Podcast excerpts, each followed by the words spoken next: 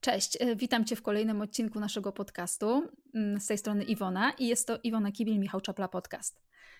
Dzisiejszym naszym gościem jest Karolina Cigart-Sadowska, psycholog, psychoterapeutka poznawczo-behawioralna. Cześć Karolina. Cześć Iwona.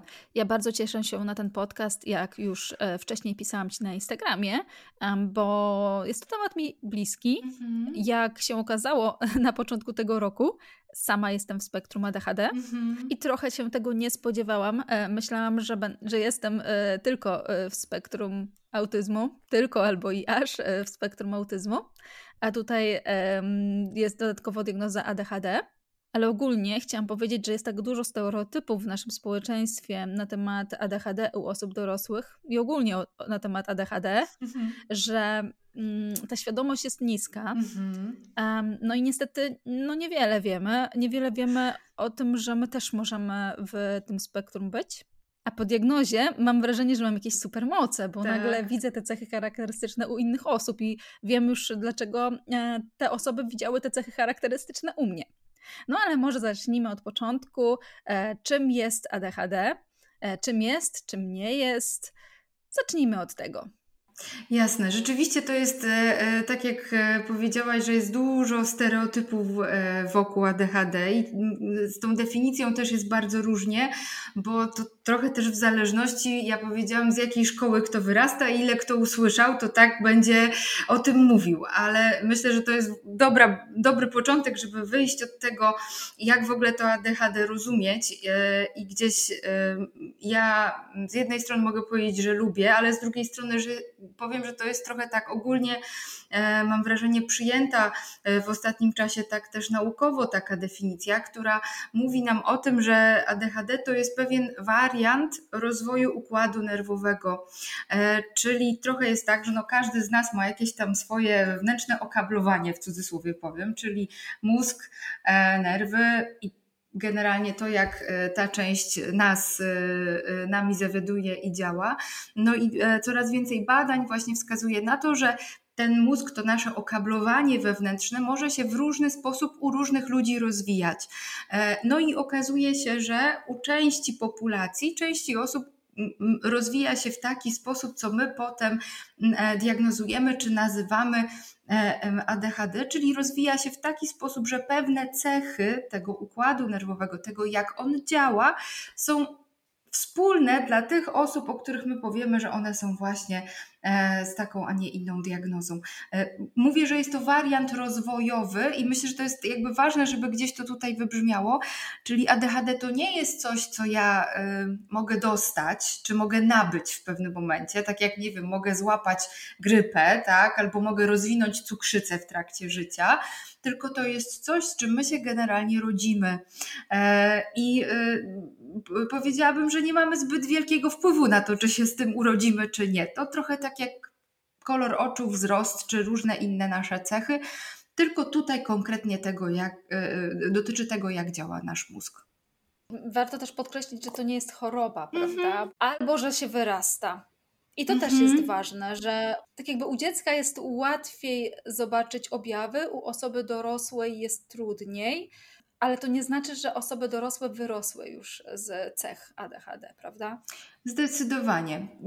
To, to, dlaczego to inaczej e, widzimy u dzieci, a inaczej widzimy u dorosłych, wynika przede wszystkim z tego, że e, jakby objawy ADHD będą nam fluktuowały w trakcie życia. One się będą zmieniały i będą wchodziły też w interakcje z różnymi sytuacjami życiowymi naszymi, e, przez co w niektórych sytuacjach one się bardziej odpalą i będą bardziej widoczne, a w innych, kiedy będzie powiedzmy spokojniej, kiedy będzie większa struktura, kiedy my w naszym życiu powiedzmy, nie wiem, zapewnimy sobie warunki, w którym jakby będzie nam łatwiej funkcjonować, może się okazać, że ja części tych objawów nie będę widzieć, co wcale nie oznacza, że jakby mój mózg się zmienił, tak? Czyli że że ja ich generalnie nie mam. E, to też trochę wynika z tego, że często u dzieci takim objawem, który jest bardzo widoczny i który też jest bardziej nasilony właśnie w, w dzieciństwie, e, jest e, objaw nadruchliwości. I to jest objaw, który no widać, tak? Bo jeśli ja widzę tego no też trochę jest ten stereotyp ADHD-owy, tak? Jeśli ja widzę tego, tutaj idąc stereotypem chłopca, który prawda nie może wysiedzieć w jednym miejscu i cały czas się rusza, no to ja mam w głowie, mm, no on taki ADHDowy, tak? A dużo trudniej mi to ADHD zobaczyć u dorosłej kobiety, która fajnie funkcjonuje i być może wcale na zewnątrz nadruchliwości nie będzie widać, ale ona sama będzie powiedzmy doświadczać bardzo dużych wyzwań, jeśli chodzi o koncentrację uwagi, o planowanie, o organizowanie w rzeczy w czasie. Że te, te wszystkie, ja bym powiedziała taki background, to czego my jakby bardzo często tak na pierwszy rzut oka nie widzimy. Jestem czasem w szoku, że jakaś pewna cecha, jakiś objaw, to może być to spektrum ADHD, a ja myślałam, że całe życie, no po prostu, że tak ludzie mają, albo że no ja to też widziałam u innych, tak? No i właśnie, do czego dążę? Mhm. Dzieci, które wychowują się z rodzicami, którzy też są spektrum, ponieważ jest to e, dziedziczne, tak? Dla tych dzieci te objawy są też normalne, dlatego że rodzice też na przykład machają nogami, tak, e, też się podobnie zachowują, więc to jest tak jakby każdy tak ma. To, to, to jest taka... Dla nas jest to mhm. takie normalne środowisko. Jasne i to jest trochę sytuacja, która czasami też jakby sprawia, że diagnoza jest wyzwaniem, tak, bo jeśli e, no, mamy dziecko, które wychowuje się w, w środowisku, w którym jakby inni też tak mają, to raz, że to dziecko często ma takie przekonanie, że no tak po prostu jest, tak działa świat, e, tak mają inni. A po drugie, e, rodzice też mają wtedy taką perspektywę, że no nic się z nim nie dzieje, bo ja mam tak samo, tak? I nie mam tej perspektywy, że gdyby jakby przyłożyć moje nasilenie cech, yy, właśnie tego, na ile ja jestem impulsywna, na ile jestem nadruchliwa, na ile jest mi trudno się skoncentrować, jeśli bym przyłożyła to nasilenie cech do tego, jak te cechy są rozłożone w populacji ogólnej, no to okazałoby się, że no ja jednak jestem e, przesunięta w, w takim sensie, że mam je bardziej nasilone, że to jest wszystko mocniej, że jest bardziej wyraziste, tylko mi jest trudniej to zobaczyć, no bo jest, y, jest to gdzieś częścią tego, jak ja funkcjonuję i tym bardziej wtedy jest trudno zdiagnozować takiego młodego człowieka. E, stąd też my często no, opieramy się nie tylko na tym, co powie rodzic, ale na tym, co, e, co widzą nauczyciele, co widzą też inne osoby gdzieś tam w środowisku dziecka, co widzą czasami dziadkowie, czy, czy gdzieś co widzimy w trakcie spotkań z daną osobą, tak? Bo, bo rzeczywiście to jest też trochę to, co powiedziałaś, że jeśli my wiemy, na jakie cechy mm, po, potrzebujemy mieć e, czujność, e, no to jesteśmy w stanie wtedy też e, konkretnie te cechy wyłapywać i obserwować. Ale jak dorastamy, to zaczynamy widzieć coraz więcej cech charakterystycznych, że coś jest mm, nie tak. I z czasem zaczynamy widzieć, że mamy problemy z rzeczami, z którymi inni nie mają problemów, zaczynamy gdzieś tam szukać, ale co tu jest nie tak, co, co jest innego, czy, dlaczego my tak mamy. W jaki sposób e, osoby dorosłe dochodzą do tego, że, e, że są w spektrum ADHD? Yy, jasne to jest trochę tak, że bardzo myślę, że dużo zależy od tego, y, jakby na ile gdzieś te objawy zaczynają doskwierać i dokuczać, nie? Bo to jest też trochę tak, że mm, tak jak powiedziałam, no każdy z nas jest w jakimś stopniu impulsywny, każdy z nas jest jakoś tam ruchliwy, każdy z nas czasem się zawiesza i ma kłopot z koncentracją uwagi, nie? Więc jakby te cechy gdzieś tam my w populacji mamy. E, w kryteriach diagnostycznych dla ADHD jakby ważne jest to, że te cechy muszą sprawiać, że jest mi trudno funkcjonować, nie? że to jakby realnie przysparza mi to cierpienia, czy gdzieś utrudnia mi e, życie. I myślę, że to jest w ogóle taki moment, e, w którym w dorosłości osoby gdzieś zaczynają myśleć, no ale o co tu chodzi? Czyli moment, w którym ja widzę, że pewne moje cechy sprawiają, że mi jest w życiu naprawdę trudno. E, I często to są w ogóle takie też nieoczywiste kawałki, bo tak jak powiedziano, rzadko który dorosły, e, przynajmniej gdzieś z moich doświadczeń to wynika, przychodzi i mówi, no bo jestem taki nadruchliwy. I to i na pewno jakby po tym to poznałem, po tym myślę sobie, że to może być ADHD.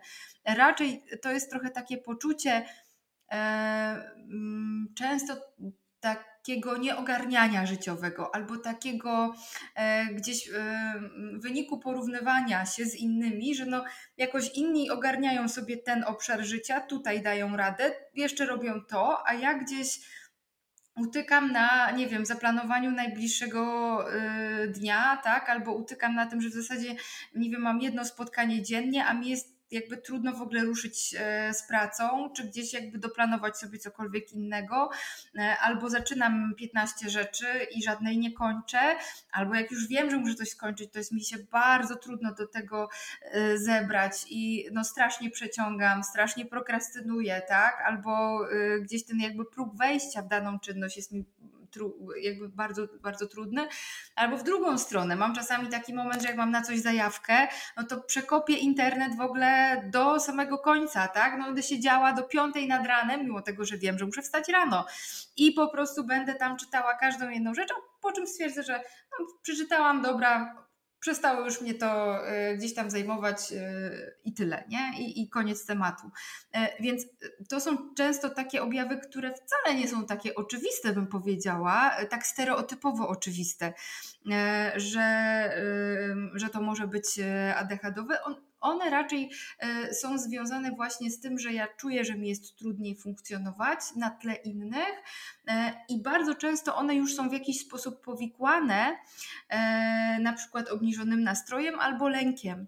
Bo jeśli ja jestem przetrwale w życiu długo w takim stanie, w którym rzeczywiście no, bardzo dużo wysiłku kosztuje mnie ogarnianie codziennych rzeczy, planowanie, organizowanie, dowożenie rzeczy na czas, e, mobilizowanie się do robienia żmudnych i trudnych rzeczy.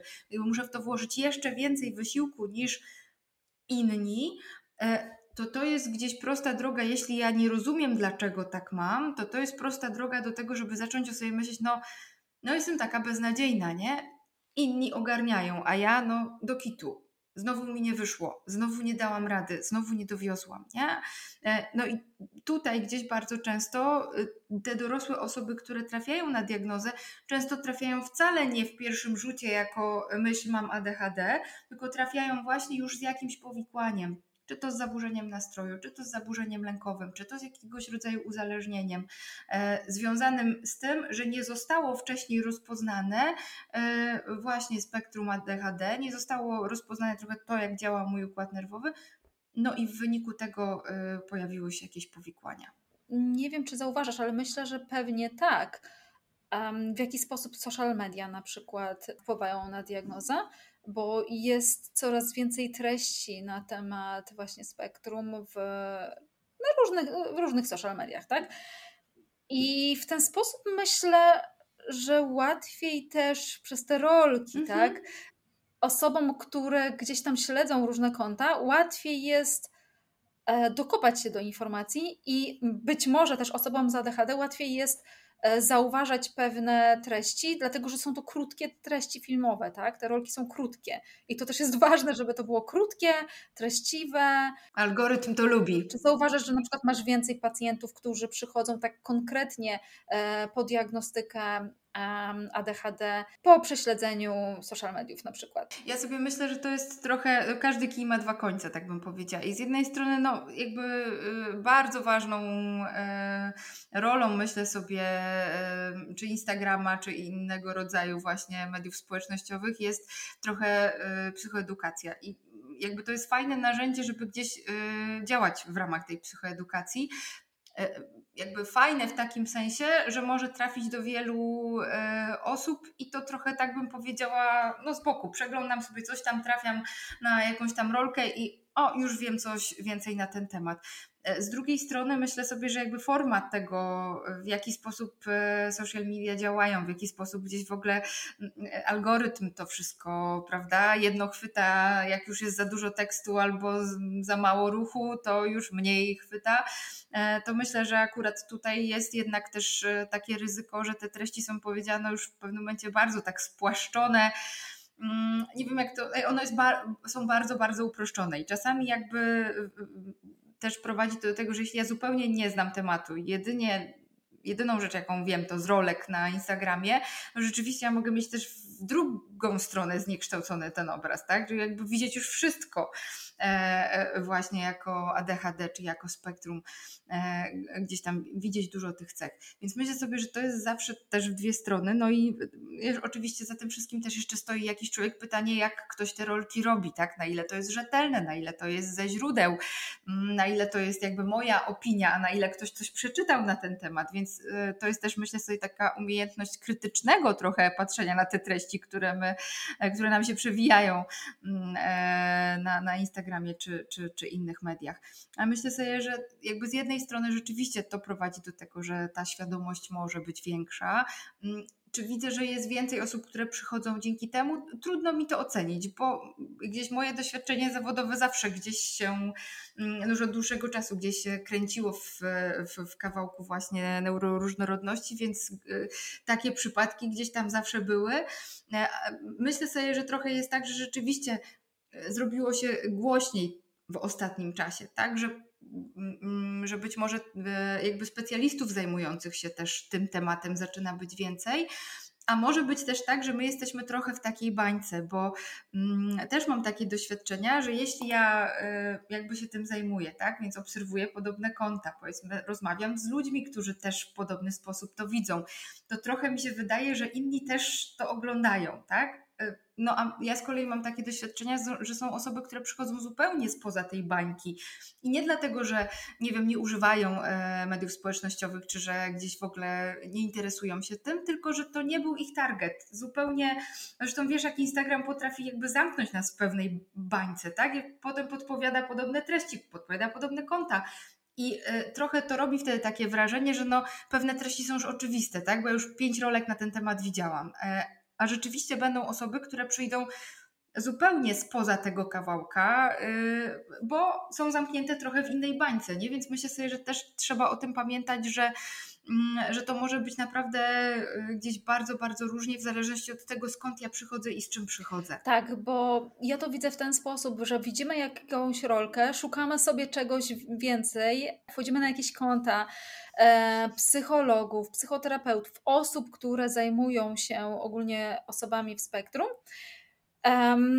No i idziemy po prostu na diagnostykę, tak? Jeżeli podejrzewamy, że coś, e, nie, to, nie chcę powiedzieć, że coś jest nie tak, tylko jeżeli podejrzewamy, że możemy mieć coś wspólnego z tymi treściami, po prostu idziemy na diagnostykę i wtedy dowiadujemy się dużo więcej na temat spektrum, no bo z tych rolek no najczęściej właśnie albo są to takie treści, jak mówiłaś, bardzo krótkie i czasem są to memy, czasem to są to po prostu takie treści typu hej, ja też tak mam, tak? Mhm. Więc łatwo się z tym utożsamić, bo tam są emocje, więc łatwo się z emocjami utożsamić. Natomiast no ważne jest, żeby wtedy po prostu udać się na diagnostykę. I kto taką diagnostykę przeprowadza? I jak ona wygląda? E, już mówię, ale myślę, że to jest ważne, co powiedziałaś, bo jak gdzieś e, szłam do tego i zgubiłam wątek po drodze, bo jeszcze gdzieś chciałam to podkreślić, że rzeczywiście żadna rolka i żaden profil, żaden opis, żadne kryteria diagnostyczne, e, które gdzieś są tam zamieszczone, no nie zastąpią diagnozy i to nie może być tak, że ta diagnoza jest robiona na zasadzie, no przeczytałam sobie, co tam trzeba mieć, no w sumie to odhaczyłam, bo mam to, mam to, mam to, więc zgadza się, mam ADHD, nie? To to jakby jasne, mogę sobie gdzieś tam o sobie tak pomyśleć, że być może to jest, ale żeby, żeby rzeczywiście to stwierdzić, to potrzeba tutaj absolutnie profesjonalisty i potrzeba y, tutaj pójść i e, jakby skonfrontować trochę mój obraz z kimś, kto rzeczywiście się w tym specjalizuje.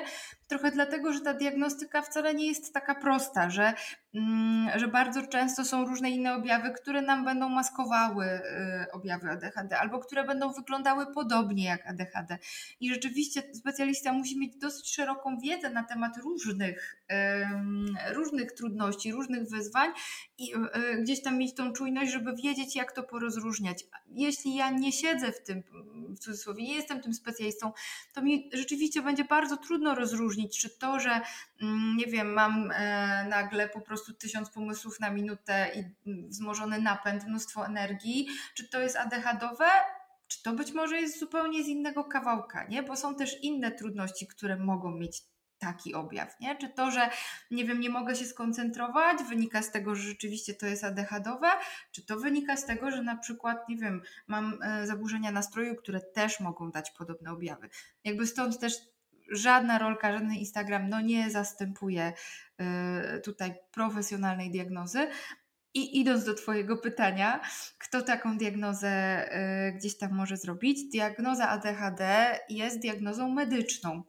E, my gdzieś tu na początku się otarłyśmy trochę o to, że to nie zaburzenie, e, że to wariant rozwoju mózgu. E, I tu jakby to jest też czasami trudne do zrozumienia tak patrząc z boku, bo to jest też dla nas specjalistów pewna nieścisłość, trochę wynikająca z tego, że badania nad tym, jak działa mózg, jak działa nasz układ nerwowy, często nie nad, jakby prze, prześcigają e, klasyfikacje diagnostyczne, tak? Czyli, że my najpierw zbieramy wiedzę, zaczynamy wiedzieć coś więcej o danym wyzwaniu, zaczynamy je rozumieć właśnie już nie jako zaburzenie, ale jako wariant rozwoju, a klasyfikacje diagnostyczne są klasyfikacjami medycznymi, w których no, gdzieś to zaburzenie, tak, to choroba, ten termin będzie się pojawiał, tak? Więc to są czasami takie niespójności, znowu, które warto sobie potem rozwiać u człowieka, który taką diagnozę będzie robił, a tym człowiekiem e, ostatecznie, który może postawić taką diagnozę, jest lekarz psychiatra,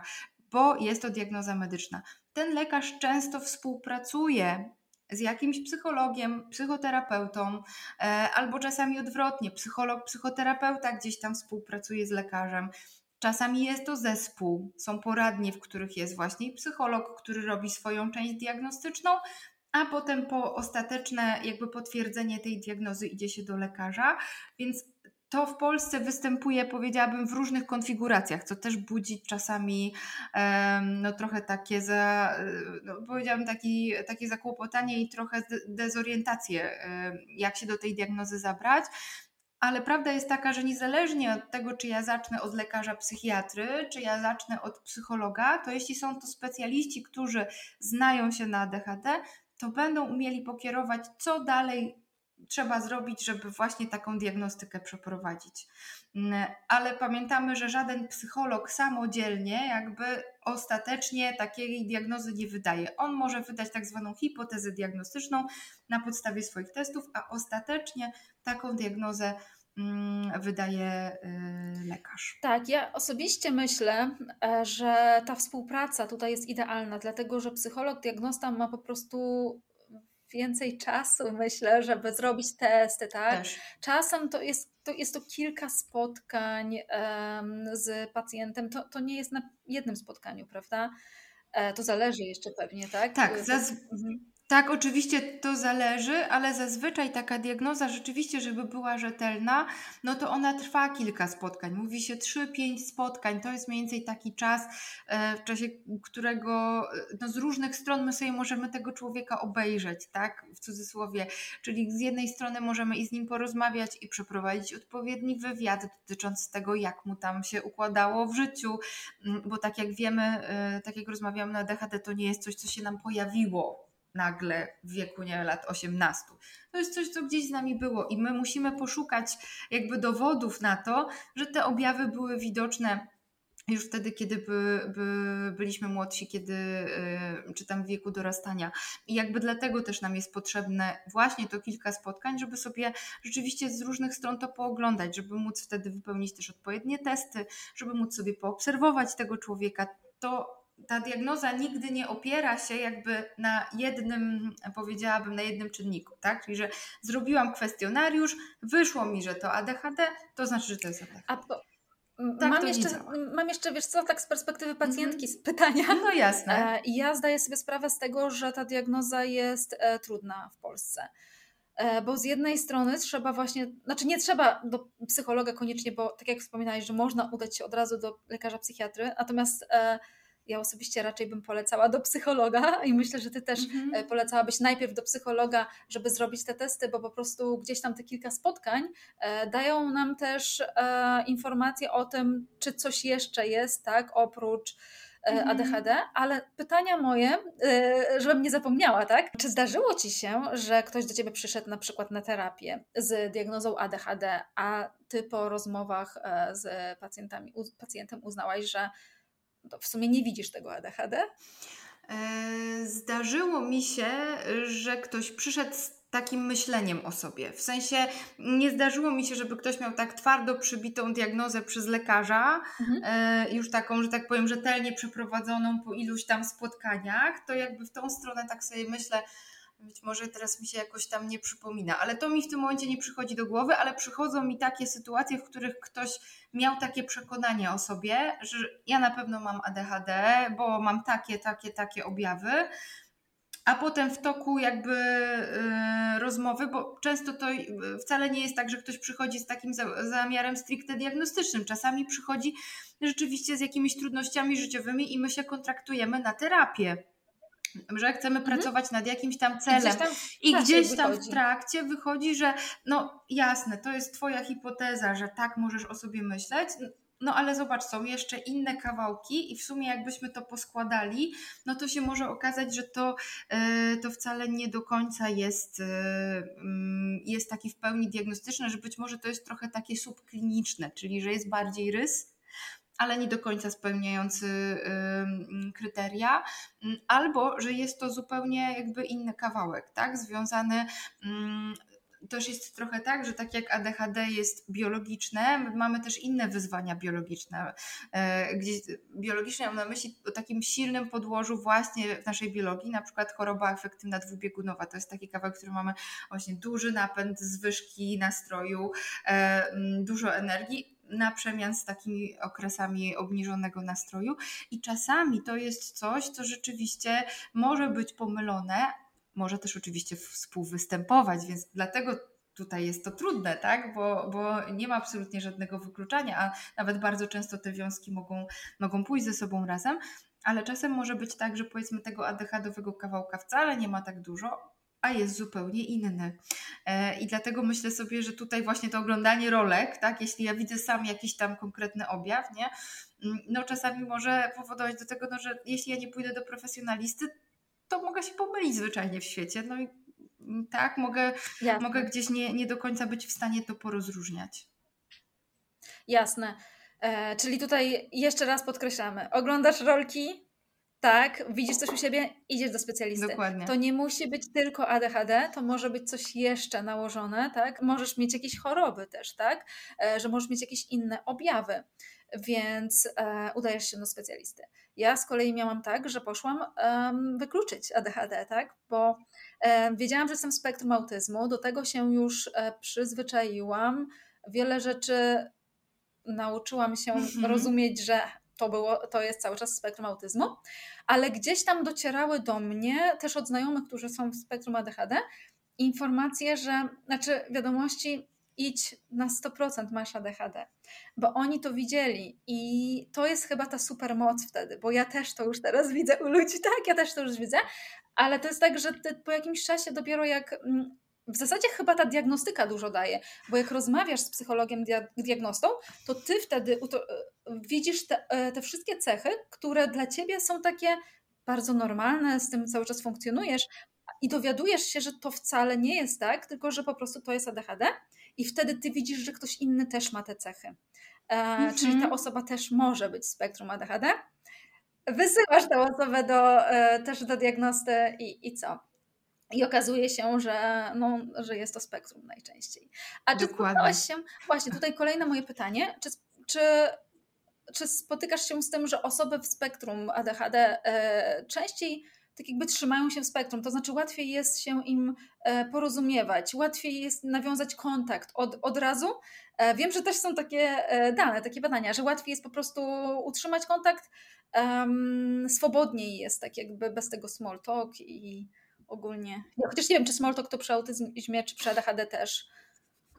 E, to pewnie trochę zależy, nie? Bo jakby generalnie tak na grubo patrząc, to ten small talk będzie trudniejszy pewnie dla osób w spektrum autyzmu, bo jest to bardziej związane z mm, tutaj e, tym kawałkiem społecznym, ale znowu e, generalnie relacje społeczne mogą być wyzwaniem również w ADHD, tylko z innego powodu niż w spektrum autyzmu.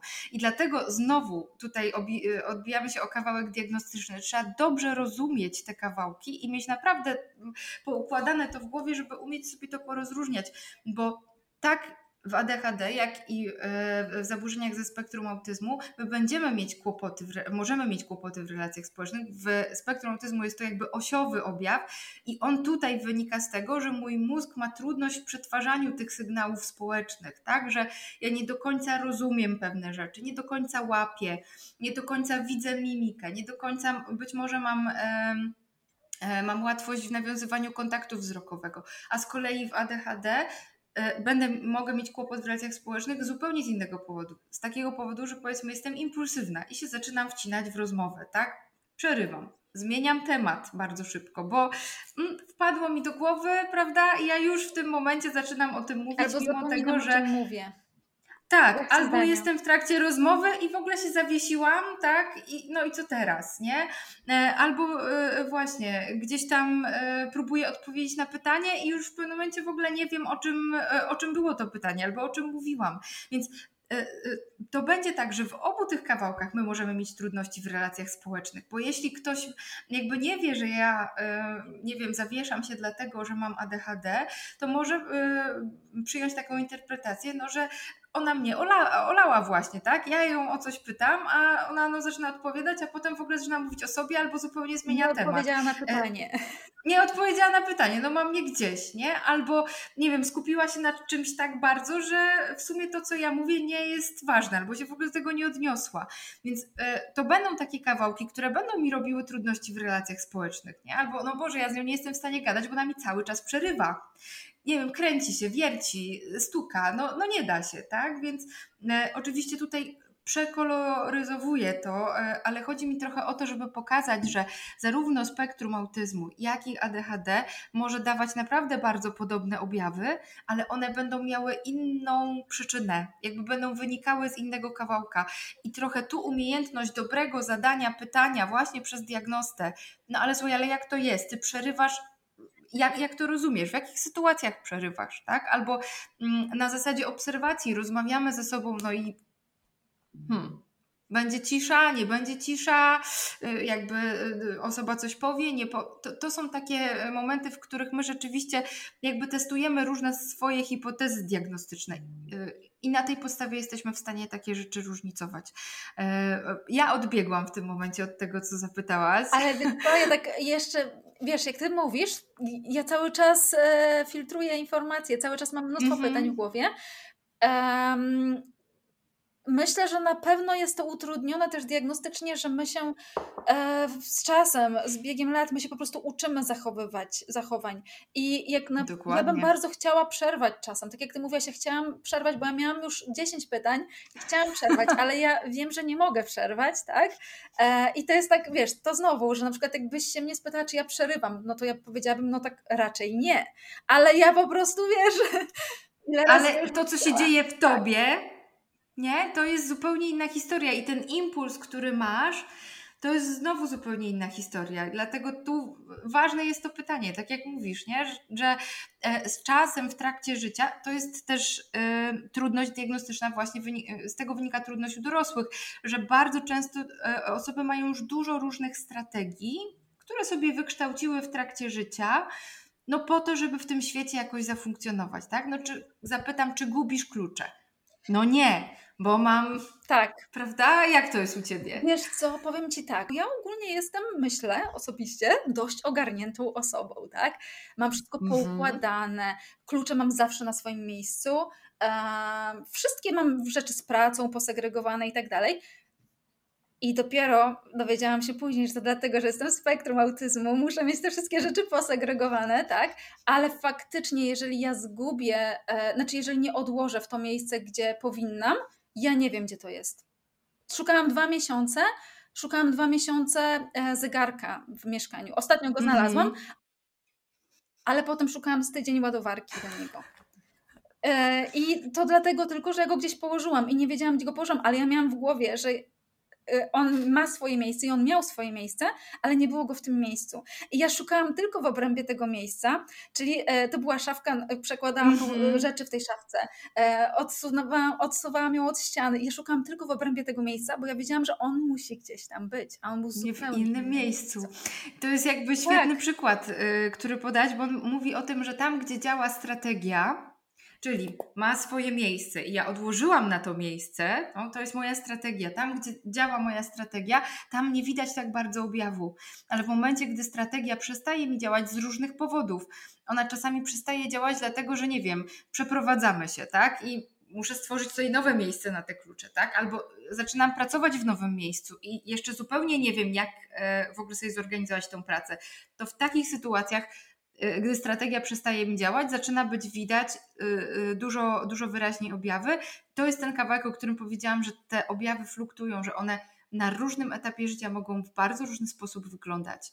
I właśnie wtedy pewnie pacjenci przychodzą z przeładowaniem, tak? Za dużo rzeczy w tym samym czasie, za dużo informacji, za dużo na siebie wzięło, wziąłem, wzięłam, nie radzę sobie i przychodzą z tym nie radzę sobie, tak? Nie ogarniam. Zazwyczaj właśnie w sytuacjach, kiedy y, no, te objawy się na tyle nasilą, że mi jest trudno y, gdzieś funkcjonować, ale też gdzieś z takiego swojego doświadczenia powiem, że bardzo często, znaczy bardzo rzadką sytuacją jest to, że ktoś przychodzi tylko z ADHD że y, to też myślę, że warto gdzieś mieć z tyłu głowy mm, że ADHD jest takim wyzwaniem, które lubi współwystępować albo do którego lubią doczepiać się różne inne kawałki. Tak jak trochę już powiedziałam, czy o zaburzeniach nastroju, czy o zaburzeniach lękowych. Ty powiedziałaś o spektrum autyzmu, bardzo wysokie współwystępowanie tych dwóch kawałków w obie strony. Czyli osoby z ADHD mają dużą szansę na to, żeby jednocześnie być w spektrum i osoba w spektrum, prawda, ma szansę na to, żeby do, być dodiagnozowana potem z ADHD to trochę wynika z tego, że to jak naukowcy dzisiaj to widzą, że tam jest jakiś kawałek wspólny taki biologicznie, że, e, że, że, że jest pewne podłoże, które się pokrywa. Stąd też te dwie rzeczy często ze sobą idą w parze. A to wcale nie jest takie oczywiste, bo nadal pokutuje mm, w niektórych miejscach taki stereotyp, no, że nie można mieć jednego i drugiego, tak? No, że jak autyzm, to, no, to już nie ADHD, a albo jak, e, e, jak zaburzenia. Bo to się tak jakby te objawy się wykluczają, tak? No bo tutaj mamy osobę, e, która segreguje rzeczy, która jest bardzo uporządkowana, a z drugiej strony ta sama osoba może mieć chaos w innych, w innych sferach. W, innym, w innych częściach życia, tak? W innych sferach życia. Więc dlaczego te, znaczy te objawy się wykluczają, więc ta diagnostyka no, musi być trudna, tak? Ta różnicowa ADHD i spektrum autyzmu.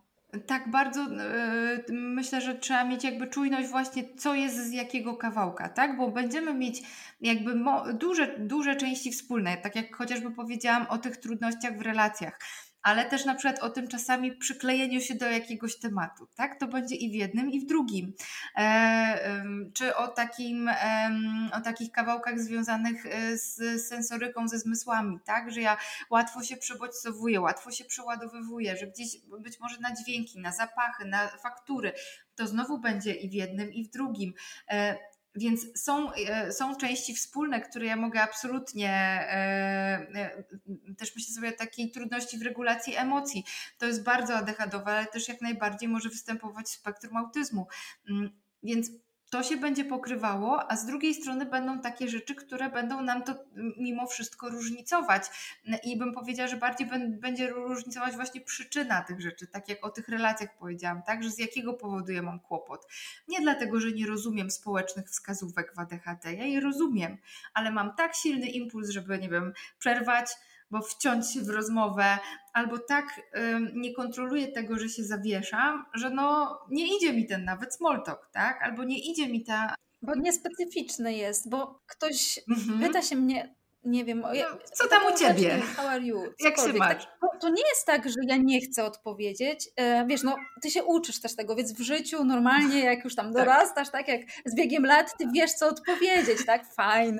Ale e, to nie jest tak, że nie chcesz gadać czy coś, tylko po prostu ty masz takie w głowie takie pytania, ale no dobra, ale ta osoba się mnie pyta bardziej specyficznie, jak mi minął dzień, czy może czy może jak się dzisiaj czuję, e, czy, czy może coś w związku z naszym spotkaniem. I tak mnóstwo jest takich, wiesz, takich rzeczy, które są niespecyficzne i zastanawiasz się, co z tych rzeczy wybrać i okazuje się, że w sumie to mówisz, to, to nic nie mówisz. Albo wjeżdża objaw, albo, albo wjeżdża objaw ADHD-owy na zasadzie, no w zasadzie to mam pięć pomysłów na to, jak powinnam teraz odpowiedzieć. W ogóle mam e, 10 myśli w, tej sam, w tym samym momencie i w ogóle nie wiem, czy ja właśnie mam specyficznie odpowiedzieć, czy niespecyficznie odpowiedzieć, czy ona pyta o to, co teraz, czy pyta tak ogólnie, e, w ogóle tak. na jakiej stopie my jesteśmy relacji, tak? Czyli mam tak. ileś równoległych ścieżek i to jest ADHD-owe z kolei, tak? No i wszystkie są tak samo ważne, wszystkie mają ten sam priorytet. No i ostatecznie jakby wydukam z siebie e, jakiś zlepek tego wszystkiego, a potem mam trochę takie poczucie, że no no nie, no jakby w ogóle to mi nie, w ogóle nie chciałam tak. Tak. Wiesz, ta osoba ci odpo- ty odpowiadasz, mówisz i nagle patrzysz na twarz tej osoby i myślisz sobie, kurde. Coś nie poszło. Chyba albo za dużo mówię, albo, albo już mówię o czymś innym. tak wygląda. A powiedz mi jeszcze, bo wspominałaś wcześniej o e, różnych mm -hmm. symptomach, o różnych cechach charakterystycznych, e, ale może fajnie by było też trochę je posegregować i wymienić trochę tych cech, takich może mniej specyficznych, albo powiedzmy inaczej, może takich, które uznajemy za takie normalne dla nas, mm -hmm. że mhm. każdy tak ma. E, taki przykład. Wydaje mi się, że wszyscy słuchają tej samej piosenki przez miesiąc, non-stop. E, wydaje mi się, że, że tak ludzie robią, prawda? Ale może nie, nie wiem, ale na przykład y, ja całe życie mam tak, że jakiejś piosenki mogę słuchać, no nie wiem, przez 2-3 miesiące non-stop tej samej piosenki, potem może coś innego posłucham, ale chętnie wracam do tamtej piosenki. E, I, i to jest tak, że non-stop, non-stop w zapętleniu.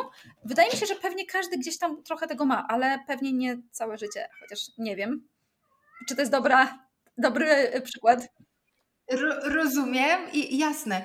E, e, absolutnie dobry przykład. Dodam tylko trochę to, że taki zestaw cech, które mi się wydają naturalne a mogą świadczyć o właśnie o DHD, jest, może być dosyć specyficzny w zależności od danego człowieka, czyli dla każdego to może być y, trochę coś innego, bo przykład, o którym powiedziałaś, znowu będzie też y, działał tutaj mm, na takim e, wymiarze ilościowo-jakościowym, czyli jak bardzo ja się zapętliłam w tę piosenkę i czy to mi robi jakby już w jakimś momencie mm, kłopot, albo czy to odstaje na tle tego, jak ludzie to zazwyczaj mają. Bo do takich innych kawałków, które też rzeczywiście czasem mogą mi się wydawać, że wszyscy tak mają.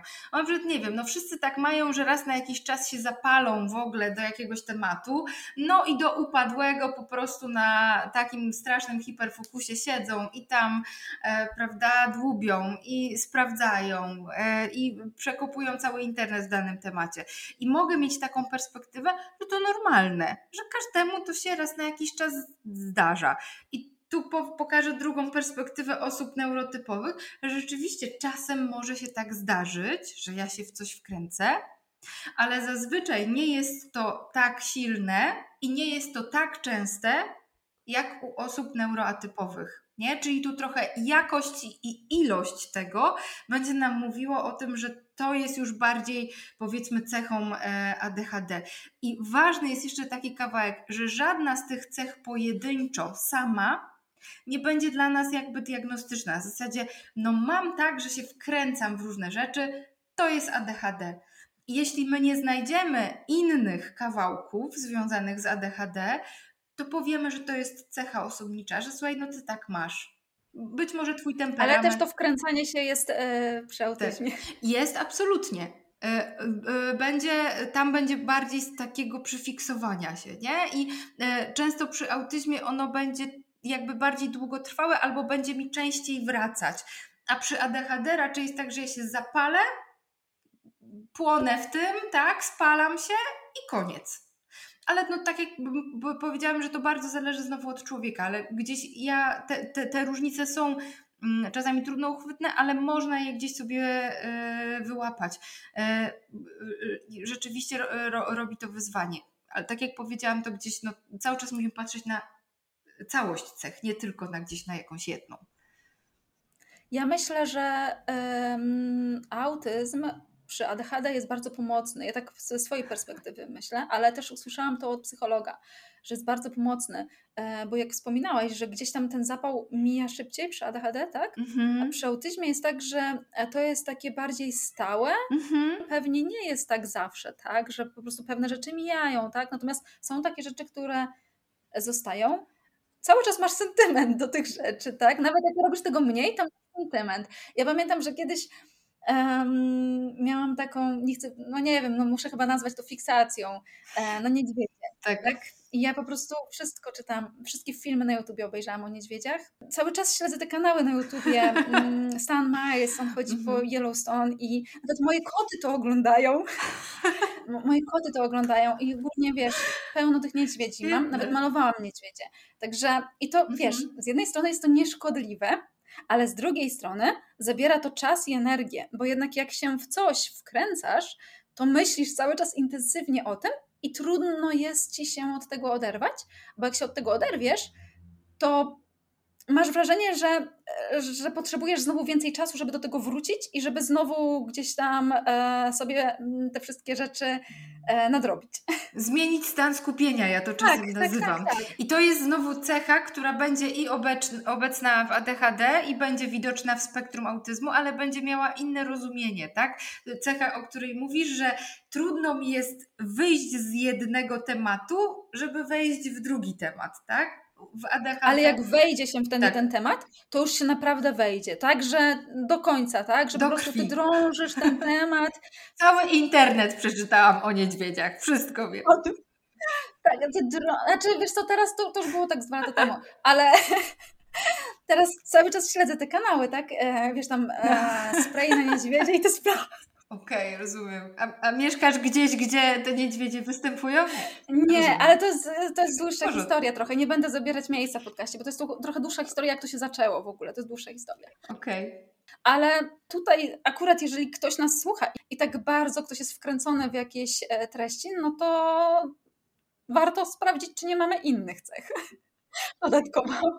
Warto sprawdzić, jak najbardziej, ale e, też w życiu taka cecha, e, właśnie o której powiadasz, tego wkręcania się, czasami robi e, kłopot też powiedziałabym na takiej płaszczyźnie bardziej ogólnej, tak, że mm, łatwo się wkręcam, szybko się zapalam, tak, i szybko się wypalam ADHD-owo, w związku z tym, nie wiem, mam ileś tam pomysłów na swoje życie, tak, nie wiem, zaczynam studiować kilka kierunków razem. Albo zmieniam. Tutaj jestem dwa miesiące, nie, nie pasuje mi, dobra, idę, zaczynam robić, zaczynam coś nowego, znowu jestem chwilę, no nie, to jednak nie to, znowu zmieniam.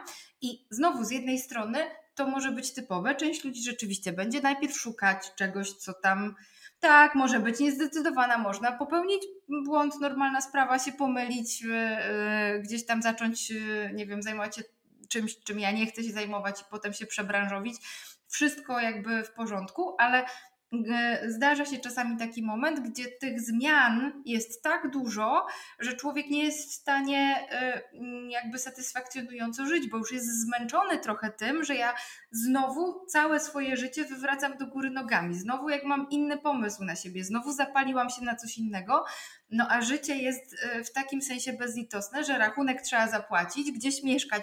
Tak, myślę o takich prozaicznych rzeczach, które są zupełnie niekompatybilne z tym neuroatypowym mózgiem, tak? Z mózgiem, który chce doświadczać, chce robić dużo rzeczy, chce zmieniać, chce szukać siebie, no a z drugiej strony musi gdzieś mieszkać i coś jest i rachunek co miesiąc przyjdzie czy ja dzisiaj zmieniłam swój pomysł na życie, czy nie. Więc to jest często taki moment, w którym też osoby y, no, stwierdzają, że coś jest, y, coś jest gdzieś nie, nie do końca y, tak jak u innych i, i, i, gdzieś muszę pójść sprawdzić, bo no, jest mi naprawdę, robi mi to problem w życiu, że ja gdzieś już jestem po którejś zmianie i nadal to nie jest to, albo zapaliłam się do którejś kolejnej rzeczy, poświęciłam w to mnóstwo czasu, no a nie mam z tego żadnych wymiernych korzyści, tak? Nie robię się powiedzmy specjalistą w jakiejś dziedzinie, dzięki czemu powiedzmy będę mogła zarabiać pieniądze za chwilę. Myślę tutaj o naprawdę bardzo prozaicznych rzeczach, ale na tych prozaicznych rzeczach budują się właśnie kłopoty związane z neuroatypowością, bo świat, w którym żyjemy, jest niekompatybilny do tego rodzaju mózgów. No, tak. Przykre to jest strasznie, ale, ale tak trochę to działa. Za chwilkę Ci zadam jeszcze takie podsumowujące ostatnie pytanie e, o tym właśnie, jak pracować z osobami e, spektrum psychologicznie, ale zanim do tego przejdziemy, to ja jeszcze chciałam Cię zapytać o, o jeszcze kilka innych cech, bo pytałam się wcześniej i tak, żeby, żeby nie ominąć tego tematu, Mhm. O te cechy też takie typowo prozaiczne może, tak jak już wspominałaś wcześniej, że jak komuś może coś przeszkadzać, czyli na przykład czy, e, czy konsystencja, czy na przykład to, że ktoś sobie nie radzi z, e, z hałasem, czy tego typu rzeczami, mhm. że, że może jeszcze te poruszymy mhm. rzeczy. Jasne te sensoryczne kawałki, absolutnie e, one gdzieś one nie są e, jakby objawem osiowym, w sensie takim, że nie są konieczne i wymagane e, jako jedyne, tak? I same w sobie, znowu tak jak powiedziałam, jeden objaw e, no, nie czyni tu całej diagnozy, ale one są częste. Właśnie są związane trochę z tym, że ja mogę mieć niechęć do pewnych struktur czy faktur, tak? Pewnych rodzajów ubrań pewnych rodzajów jedzenia, tak? Albo zapachów, że są pewne zapachy, które innym e, po prostu są, tak? A mi wybitnie przeszkadzają. I znowu, w pewien sposób będzie to typowe, bo każdy z nas pewnie ma taki zapach, który dla niego jest trudny, ale e, e, w mózg, mózgi neuroatypowe, tak jakby mówiąc ogólnie, mają często tego więcej. E, łatwiej się przybodźcowują w takich miejscach jak na przykład, nie wiem, centra handlowe, koncerty, miejsca, w którym jest dużo ludzi, dużo świateł, dużo hałasu, dużo bodźców, które mnie otaczają. E, to jest moment, w którym jakby bardzo łatwo czują się już przeładowane, przebodźcowane, tak? Albo muszą mieć, e, czasami takie osoby mają bardzo konkretny sposób jedzenia, czyli układania tego jedzenia też jakoś tam, nie wiem, czy na talerzu, czy kolejności, czy tego, co, co czego może dotykać, co nie może. I znowu będą osoby, które tak po prostu też będą miały, ale tu znowu mówimy o tym, jak bardzo mi to przeszkadza w życiu i czy są inne objawy i na ile to jest nasilone. E, to też może być związane trochę e, z takimi e, też kawałkami, nie wiem w jaki sposób ja się myję, powiedzmy. Czasami też w ogóle to jest coś, Rutyna. o co nam, tak, jakąś naszą rutynę, że musi być określona kolejność, że jak jej nie ma, to mi jest w ogóle trudno. I znowu, jeśli ja o to nie zapytam w odpowiedni sposób, to, to nie będę wiedziała. U dzieci też często gdzieś to, szczególnie te kawałki związane z ubieraniem, tak, że no nie wiem, rajstopy to w ogóle jest absolutnie nieakceptowalne, tak, to ucisk to jest no nie, nie, nie do dotknięcia, tak? Jeansy, twarde rzeczy, metki, szwy, to są często takie y, jakby trudne sensorycznie e, rzeczy. Albo chodzenie boso po trawie, po piasku, po takich strukturach, po których my codziennie, no e, nie wiem, nie mamy takiej dużej styczności, ale że one robią też nam e, kłopot. Więc te, ta cała sfera taka sensoryczna E, jak najbardziej też może robić kłopoty, wcale takie nieoczywiste e, i ona może też powodować, że na przykład potem jest trudniej funkcjonować w ogóle w świecie, tak, no bo nie wiem, nie pójdę do galerii handlowej, gdzie jesteśmy zaproszeni wszyscy na spotkanie, tak, bo ja wiem, że dla mnie... No tam nie trzeba iść do galerii. ja popieram, absolutnie, nie trzeba, e, ale są czasami tak, też, też osobiście nie jestem fanem, ale są czasami sytuacje, w których gdzieś no, muszę się skonfrontować z rzeczami, które dla kogoś innego wydają się no wymyślasz, tak? No, tak. Pójdziesz, załatwisz, zrobisz, tak? A dla mnie są rzeczywiście y, trudne właśnie ze względu na te różne takie sensoryczne kawałki. Czyli osoba e, ze spektrum może być też e, mistrzem w wymyślaniu wymówek, dlaczego się nie pojawi na imprezie. Absolutnie, tak. E, zwłaszcza jeśli, to, jeśli towarzystwo, z którym ma gdzieś pójść, no, nie jest na tyle bezpieczne, czy, czy na tyle mhm. gdzieś ja nie jestem otwarta, żeby po prostu o tym powiedzieć że nie idę, bo, bo to dla mnie jest za trudne z takiego, takiego powodu. Albo nie mam jeszcze diagnozy i nie mam tej świadomości, bo to czasami też jest w, w takim kawałku, że ja nie wiem, dlaczego tak mam. Wiele tutaj już e, objawów e, cech charakterystycznych spektrum ADHD i też częściowo autyzmu omówiłyśmy. A jeżeli ktoś z naszych słuchaczy e, widzi u siebie któreś z tych cech, zapraszamy na diagnostykę, tak, żeby sprawdzić, ile tego faktycznie jest, co faktycznie tam jest, czy to jest e, spektrum ADHD, czy coś jeszcze. E, bo czasem też tak jest, że kilka rzeczy sobie znajdziemy, ale dopiero potem po diagnostyce okazuje się, jak wiele, e, po pierwsze, po diagnostyce okazuje się, jak wiele e, tych cech e, ADHD-owych jest z nami i, i spektrum autyzmu opcjonalnie też, tak? Natomiast gdzieś tam dopiero z czasem, ja tak ze swojej perspektywy mówię, po miesiącach, no tak Mm, nawet po latach, tak, widzisz więcej, widzisz cały czas więcej, tak, no bo dowiadujesz się więcej, tak, widzisz Zaczyna więcej. klikać, nie? Że tak, to zaczyna, są... zaczyna to klikać, bo, bo też e, z czasem uczysz się siebie i uczysz się tego, że e, te wszystkie objawy, tak jakby dopasowujesz je przez całe życie do siebie, żeby było Ci wygodniej, Kiedyś się mówiło, że to są osoby wysoko funkcjonujące, które sobie dopasują to wszystko, tak, mm -hmm. tak. Mhm. Natomiast to, że ty sobie dopasowujesz, to nie znaczy, że tych objawów nie ma. E, tylko po prostu radzisz sobie dobrze z nimi. Tylko masz, tak, masz strategię, strategię? Mhm. Czyli Absolutnie one gdzieś tam są, ale wypracowałam sobie różnego rodzaju y, strategie po to, żeby one nie były tak e, utrudniające mi życie i przez to są mniej widoczne. Mm, myślę sobie, że ja jeszcze gdzieś, bo do tych objawów myślę, że to dobrze, żeby wybrzmiało, bo o tych sensorycznych gdzieś rzeczach e, zahaczyłyśmy, ale tak jak e, powiedziałam, jakby to, to nie jest do końca osiowe, bo a, a chciałam dla porządku, żeby wybrzmiało, że tymi głównymi objawami ADHD, tymi, które naprawdę powinny nam zapalić tutaj, że coś jest na rzeczy, to jest jakby grupa trzech takich kawałków. Pierwszy to jest obszar związany z zaburzeniami koncentracji uwagi. I to tak w życiu będzie widoczne właśnie w tych wszystkich kawałkach, gdzie ja się zawieszam, zamyślam, e, tracę wątek rozmowy. E, szef do mnie coś powiedział, a ja no w sumie to nie wiem, co miałam zrobić, tak? Gdzieś jestem w trakcie jakiegoś zadania i e, e, tracę w ogóle wątek. E, rozpoczynam ileś tam rzeczy, e, bo to jest w ogóle cały kawałek związany też z, e, z uwagą. Rozpoczynam ileś zadań naraz. E, trudno jest mi je skończyć, trudno mi jest spriorytetyzować te zadania, trudno jest mi je zorganizować, co ja po kolei, tak? To jest e, jakby gdzieś tam wszystko w jakiś sposób związane z e, uwagą, ale też z tak zwanymi funkcjami wykonawczymi, czyli z e, planowaniem, z organizowaniem, też z zarządzaniem sobą w czasie. To jest trochę niespecyficzne czasami, ale to jest rzeczywisty problem, że mi jest trudno przewidywać, ile coś mi zajmie. Mi się wydaje, że no, mam jeszcze tyle czasu do tego autobusu, no wszystko jestem w stanie zrobić, a potem suma summarum okazuje się, że na niego nie zdążam, bo źle oszacowałam. I jeśli mi się to zdarza raz w życiu, no to czy tam co jakiś czas, ale jeśli mi się to zdarza często, że gdzieś mi jest trudno to szacować, to rzeczywiście to będzie też taki kawałek. Więc to, to jest pi pierwsza sfera. Druga związana z impulsywnością. Przerywam, e, trudno mi jest wysiedzieć. Jak mam pomysł, to w ogóle już gdzieś muszę realizować, czyli jest idea w mojej, w mojej głowie i jest działanie. Nie ma pomiędzy tym fazy myślenia czy analizowania, czy to jest, no, czy dobrze jest to zrobić, czy to jest dobry pomysł, czy ja chcę to zrobić. Nie wiem, mam pomysł na to, że jest druga w nocy, a ja akurat będę piec ciasteczka, mam taki pomysł, idę i to robię. Tak? Nie myślę o tym, że konsekwencją tego jest to, że jestem niewyspana albo że muszę rano, y, rano wstać.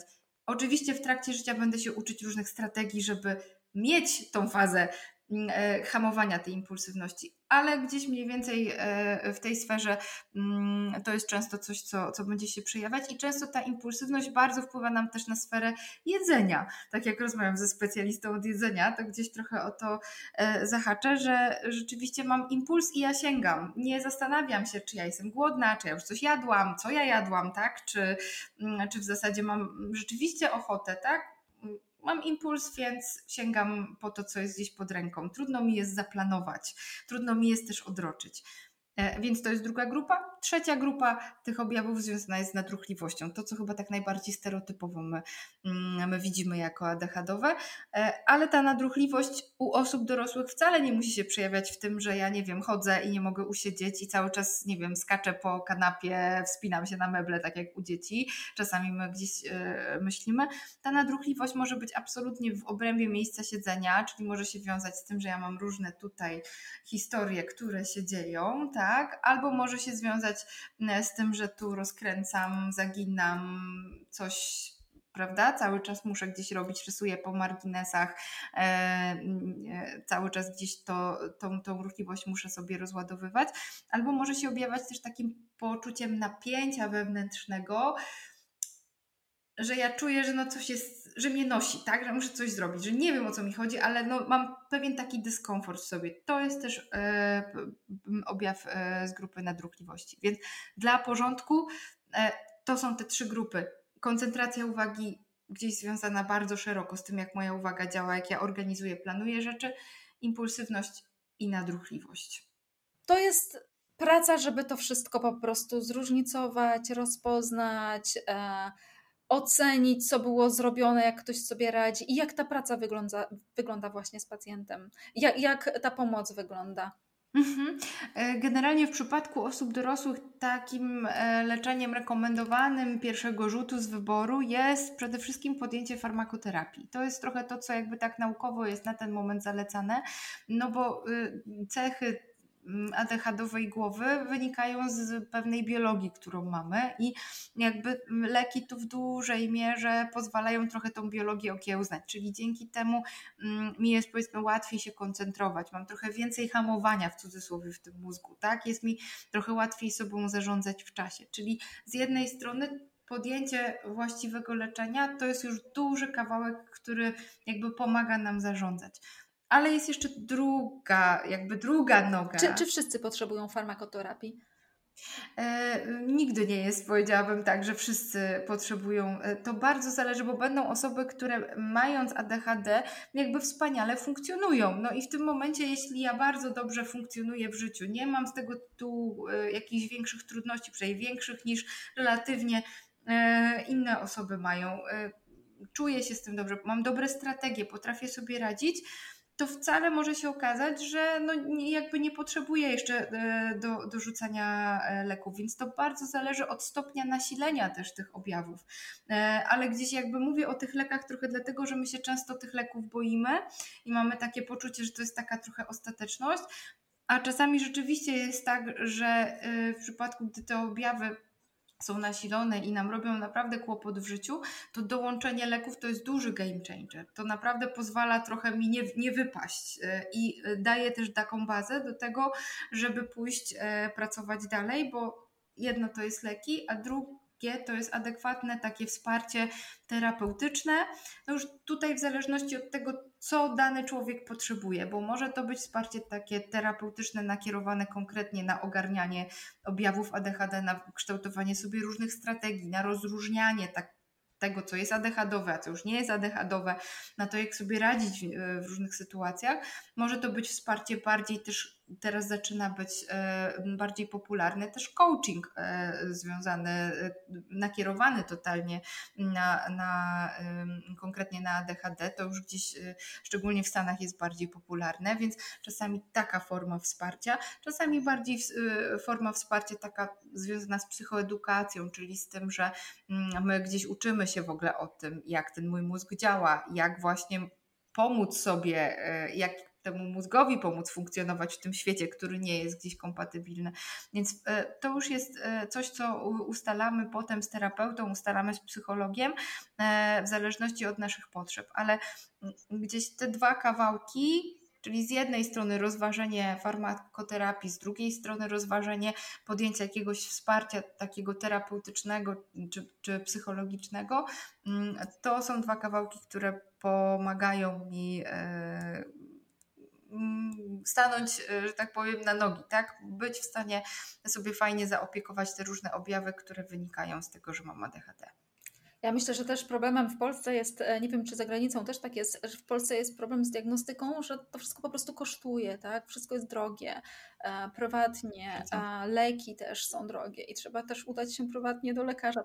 Często też niedostępne. Tak, więc dla osób w spektrum ADHD, które mniej sobie radzą tak, w tym spektrum, to jest dodatkowy ciężar, że, e, że jeszcze trzeba po prostu mieć pieniądze na, na leczenie. E, może są jakieś miejsca albo jakieś książki, które byś poleciła, gdzie można na przykład za darmo też coś, jakąś wiedzę u ciebie na profilu na pewno. E, jak najbardziej można sobie różne profile psychoedukacyjne pooglądać. Myślę sobie, że też są na rynku gdzieś tam w ostatnim czasie właśnie one się bardziej ukazują. ADHD u dorosłych, są takie pozycje, które e, ADHD mózgłowcy, e, taka żółta książka. Jakby e, powiedziałabym, że każda z nich ma swoje wady, swoje mocne strony, swoje... Ale warto zajrzeć.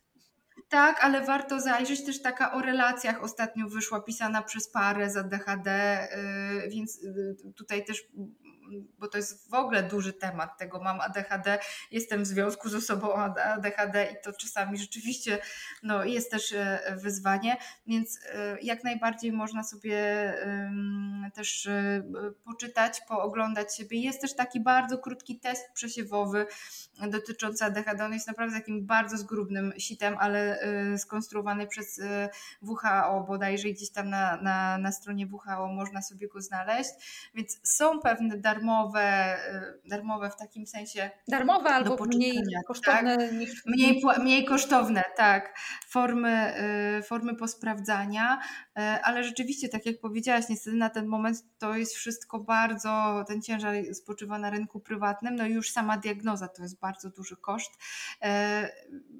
A jeszcze no jak ktoś ma diagnozę autyzmu i mhm. ADHD, to już całkiem. No to po prostu... Jak jeszcze tak, trzeba to podwójnie zrobić i potem jeszcze gdzieś zaopiekować to terapeutycznie, to jest to, e, jest to absolutnie wyzwanie.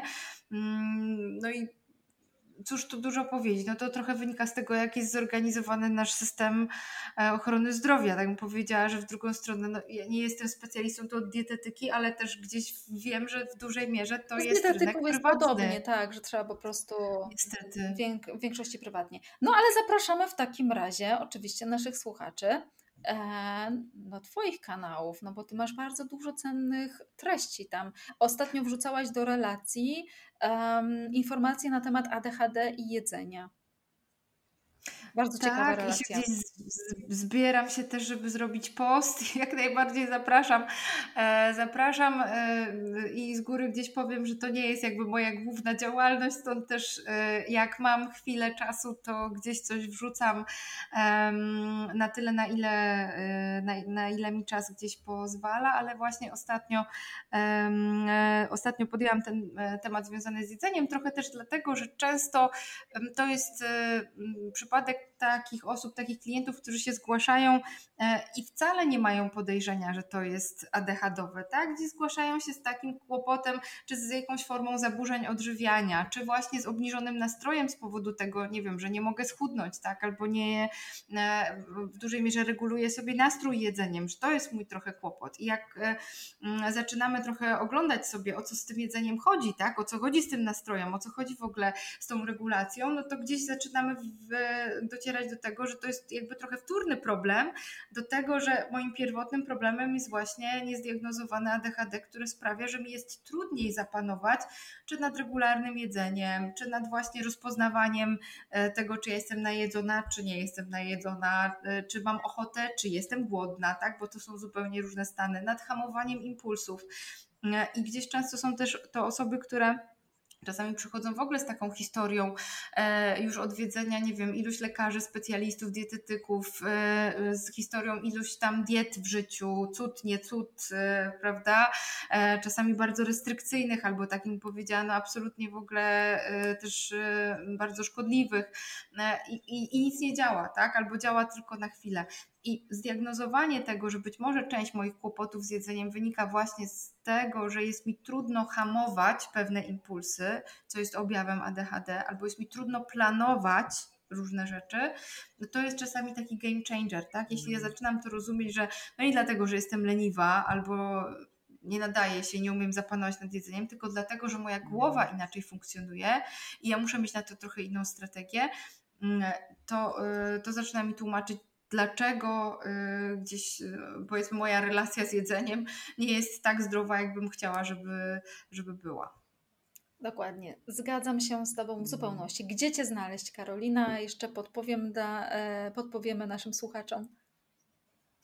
E, myślę, że naj, najłatwiej znaleźć mnie na, właśnie na Instagramie. To jest miejsce gdzieś, gdzieś tam jakoś jeszcze mam czas, żeby coś wrzucić, więc mm, po imieniu i nazwisku Karolina Cigarcedowska zapraszam.